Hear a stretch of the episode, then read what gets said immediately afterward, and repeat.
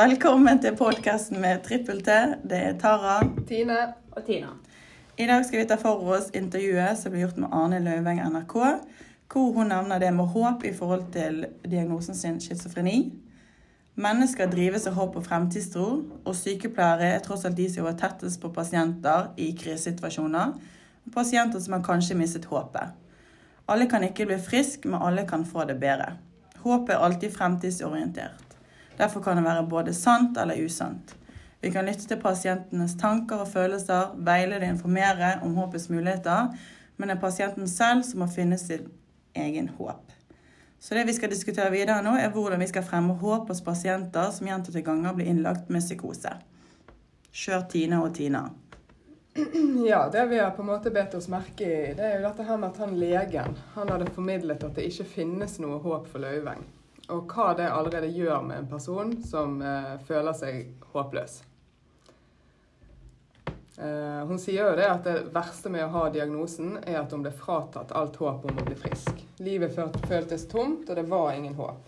Dette ble jo bekreftet av helsepersonell òg. Samt alt rundt om var tomt, hun fikk et mørkt rom, ingen eiendeler, ble fratatt all form for selvbestemmelse, så hun følte en total følelse av eh, avmakt. Uh, pasienter trenger jo det håpet for å orke arbeidet som ligger foran dem, og for å kunne tro på bedring. At håpet er på en måte en bærende kraft i behandlingsforløpet. da. Mm. Så målet må jo være å fremme håpet. Og hvordan skal vi uh, finne veien dit? Nei, da er det jo å se på ulike tiltak som vi som sykepleiere kan gjøre for at pasienten skal kunne føle det håpet da, som hun Løyveng ikke følte.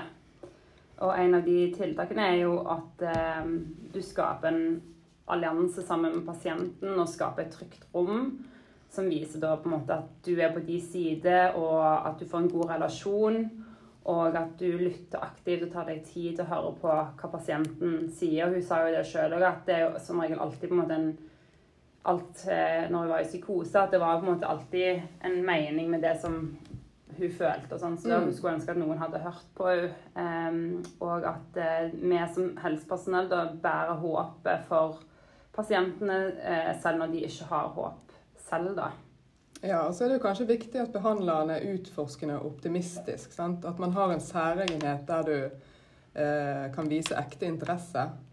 At du må på en måte ha en egen evne til å formidle det håpet da, som motiverer denne pasienten, og som er realistisk for pasienten.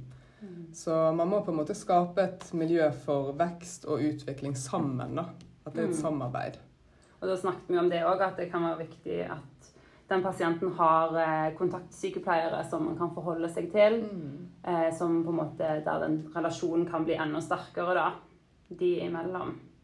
Ja, ja.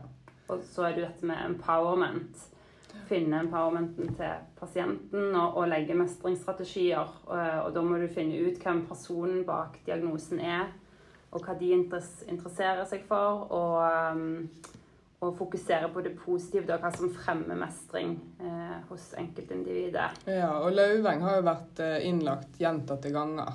Så hva, vi må finne mestringsstrategien hennes fra forrige gang òg. Hva var det som gjorde at hun eh, ble bedre? Sist gang. Hvilken mestringsstrategi brukte hun? Så, og hva som funker, og hva som ikke funker for den enkelte pasienten. Mm. For det kan jo være veldig forskjellig, og mange av de har jo vært en del av eh, altså har vært pasienter i mange mange år og har jo ofte veldig god erfaring sjøl og kan fortelle sjøl mm. hva de kan og, og ikke orker. da. Ja. Så. så. for å styrke empowerment, så er jo dette med, med informasjon en vesentlig del for å fremme håpet. da eh, undervisning om eh, lidelsen. Sant? Løveng sa jo òg i, i, det intervjuet at hun gjerne skulle visst den gangen at hele én av tre ble delvis eller helt friske. Det var ingen som hadde sagt til henne. Så, um, så, informasjon er en vesentlig del. Og så kan det gjerne hjelpe å møte andre med samme diagnose. Kanskje det kan ufarliggjøre lidelsen. Mm. Så, men uansett, dette med å skape klare rammer i livet til pasienten vil òg gjøre det lettere for å oppleve mestring og gjenvinne håpet. Ja, og så er det det som går på det dagligdagse for å styrke pasientens egenomsorg og disse eh, tiltakene som er viktige for å tilrettelegge for god døgnrytme. Og eh, om de vil høre på musikk, og at de har et godt nettverk. At de får hjelp av familien sin hvis de har familie. Og, og ja, små tips som kan føre til at du opplever mestring. Ja, ja. Mm. Så, så, er det jo viktig å på en måte dokumentere underveis. sant? Dette med å loggføre fremgang, sånn at du har noe å se tilbake på når du eh, eh, går gjennom behandlingen. da. Så ja. Så ellers er det dette her med å sette mål og tiltak sammen med pasienten som er realistiske. Ja. Ja. Og mulig å oppnå. Altså det på en måte ja. Ja, veldig bra. Da avslutter vi runden. Ja. Takk for oss. Takk for oss.